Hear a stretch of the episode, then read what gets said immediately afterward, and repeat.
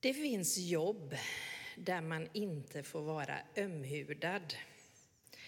Jag läste någonstans, och jag är osäker på källan och det spelar ingen större roll vad sanningshalten är, men jag har i alla fall läst att i många västerländska kulturer är parkeringsvakt ett av de värsta yrken man kan ha. Dagen ända ska man gå omkring och lappa folk för att de har ställt bilen på otillåtna platser. Och om och om igen anklagar ilskna bilister en för att man är orättvis, att de bara har varit borta ett par minuter och att lapplisan försöker sätta dit dem. Jag undrar hur det känns att bli utskälld varenda dag för att man sköter sitt jobb. Ja, antag att parkeringsvakten arbetar, dessutom arbetar för en regering som du hatar och helst vill se störtad.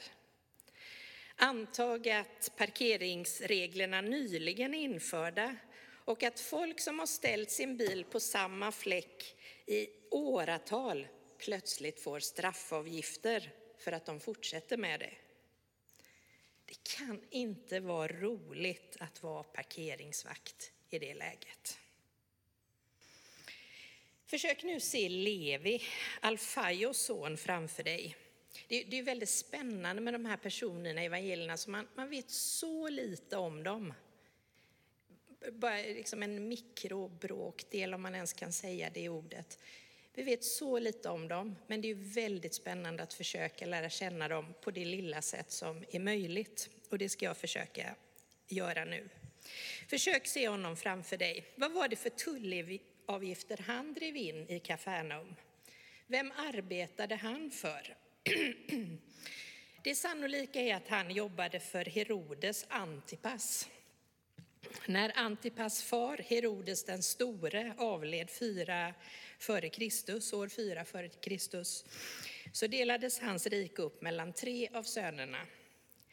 Arkelaos fick Judeen i söder, Antipas fick Galileen i norr plus delar av Jordans flodgångar och Filippos fick det som idag kallas Golanhöjderna som sträckte sig ända in i Syrien. Gränslandet mellan Antipas och Filippos landområden, det var Jordan, floden Jordan som rann söderut från Hermon till Galileiska sjön.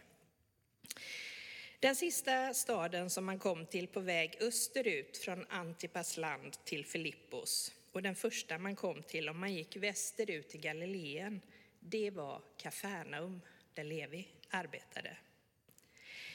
Precis som man nu för tiden ofta måste betala kanske en tullavgift för att passera en landsgräns eller bara för att få använda en flygplats eller en motorväg var man på den tiden tvungen att betala en tullavgift för att komma över från en del av det gamla riket till en annan.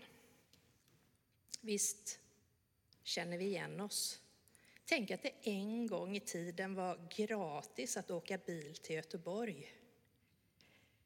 Vi kommer ihåg det och vi kommer också ihåg hur många av oss muttrade i början. Hur dyrt det var och varför ska de införa det här? Men med vår tids digitalisering så fanns det ju ingen människa på gränsen mellan Partille och Göteborg som hindrade oss och tog emot pengar och klagomål dagarna i ända.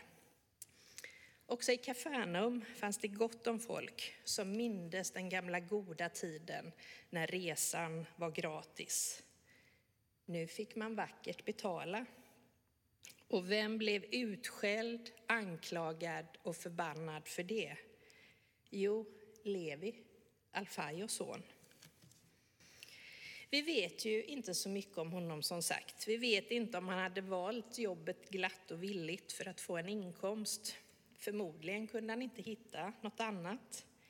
Vi vet inte om han stödde ätten Herodes i allmänhet eller Antipas i synnerhet. De flesta vanliga judar ogillade eller avskydde dem. Men det var de som hade makten, romarna, som stödde dem. Och det var inte så mycket att göra åt saken. Han gjorde sitt jobb. Levi, Alfaios son, han var tvungen att sitta där gömma människors vrede och hat i sitt eget hjärta och i sin egen själ. Dag ut och dag in satt han där och tog emot all skit. Så en dag kom Jesus förbi. Han skällde inte. Han förbannade inte. Han anklagade inte.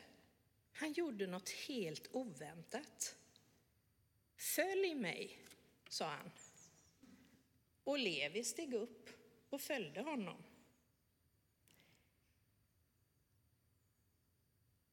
Vad skulle du ha gjort om du hade suttit där som Levi? Ingen aning, tror jag att de flesta av er tänker liksom mig. Men Levi steg upp med obeskrivlig häpnad målad i ansiktet. Kanske var det första gången på evigheter som någon behandlade honom som folk och inte avskum. Levi, tullindrivaren, han är den sista av tre exempel som evangelisten Markus ger i sitt andra kapitel. Där Markus på ett väldigt tydligt sätt visar vad Jesus uppdrag är. Och Jesus uppdrag utifrån Markus är att Jesus umgås med fel människor. Innan han kallar tullindrivaren så har han botat en lam och helat en spetälsk. Också av samhället utstötta, avsidestagna, betraktade som några man inte skulle umgås med. Och i alla de här tre tillfällena, den lame, den spetälska och tullindrivaren, så får Jesus kritik av de skriftlärda och fariseerna. De som satte, satte anständighet och regler framför att bemöta människan väl och inkludera. Jag tänker också att det är spännande att fundera på en annan aspekt som jag också givetvis läst och fångade upp ett tankespår kring. Som går att ana här nu när Levi kallas till att bli en av Jesu lärjungar. Att Levi, så som han arbetade, han uppfattades ju, han arbetade ju för en, hans chef var ju en man som uppfattades som judarnas kung. Och nu när han började följa Jesus så började han ju följa någon som skulle göra kungliga anspråk på ett annat sätt.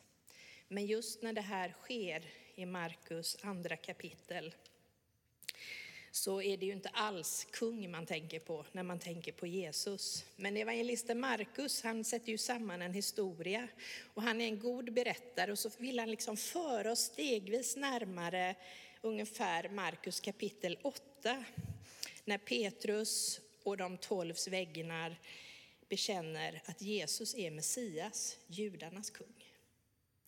Levi, han har en annan arbetsgivare som är en mäktig kung.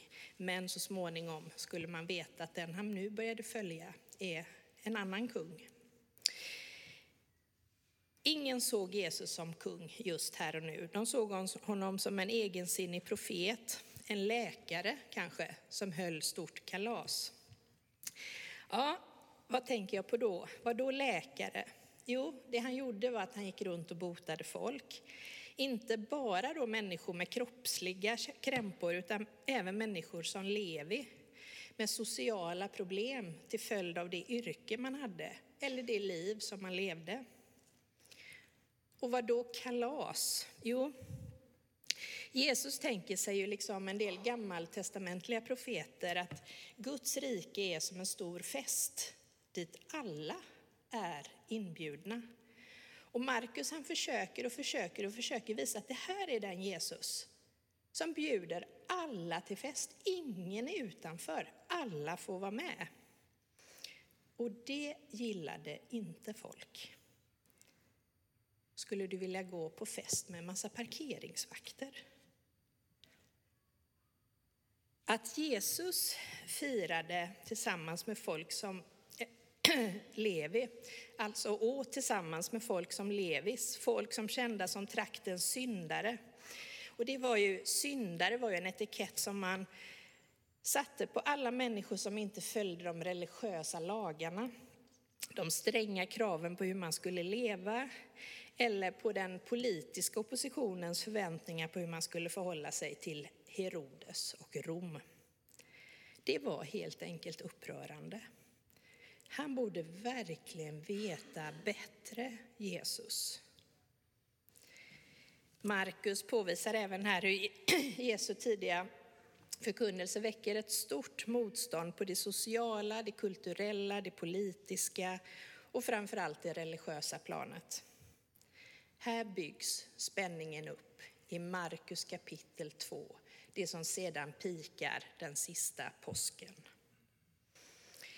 Men Jesus svar till sina hånfulla kritiker går till sakens kärna. Han var trogen sitt kall och det var en läkares kall. Det är ingen vits för en läkare att bara träffa friska människor. Läkare måste besöka de sjuka. Jesu hela gärning gick ut på att bota inte bara de fysiskt sett sjuka utan Israel i dess helhet. Ja, världen i dess allt som är sjukt skulle Jesus bota. Det måste oundvikligen vara stötande för en massa människor som inte alls vill ta hänsyn till de så kallat missanpassade. Jag ska läsa ett citat från en kommentar jag läst under veckan. Fyra meningar. Det som Jesus gjorde och sa klämtar som en jätteklocka i dagens värld. En klocka som väcker oss eftersom det är dags för doktorn att titta till sina patienter. Som påminner oss om att se saker ur Guds synvinkel eftersom anständighet så lätt bortser från verkligheten och som äggar oss att gå på hans fest och bjuda in fler till den. Slutcitat. Kallelsen till Guds rike gäller oss. En kallelse att följa Jesus, ta rygg på honom, bjuda med och inkludera så som Jesus alltid gjorde. Och när det känns svårt och när vi upptäcker att vår bekvämlighet gör att vi undviker uppdraget och när osäkerheten drabbar oss på alla möjliga olika sätt så får vi påminnas om berättelsen om Gideon.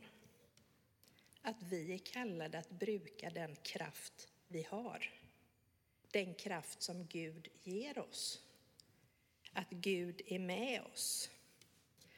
Och till dig och till mig och till hela församlingen säger Jesus, följ mig. Och vi alla har var och en ansvar att fundera på vad den kallelsen betyder för oss. Vad den kallelsen betyder i vår vardag, i stort och smått. Så nu när vi går ut i sommartid får jag utmana dig att bjuda med dem du möter till Guds rike. Och få Jesus utmana dig och dina prioriteringar i hans egna ord. Det är inte de friska som behöver läkare, utan de sjuka. Jag har inte kommit för att kalla rättfärdiga, utan syndare. Amen.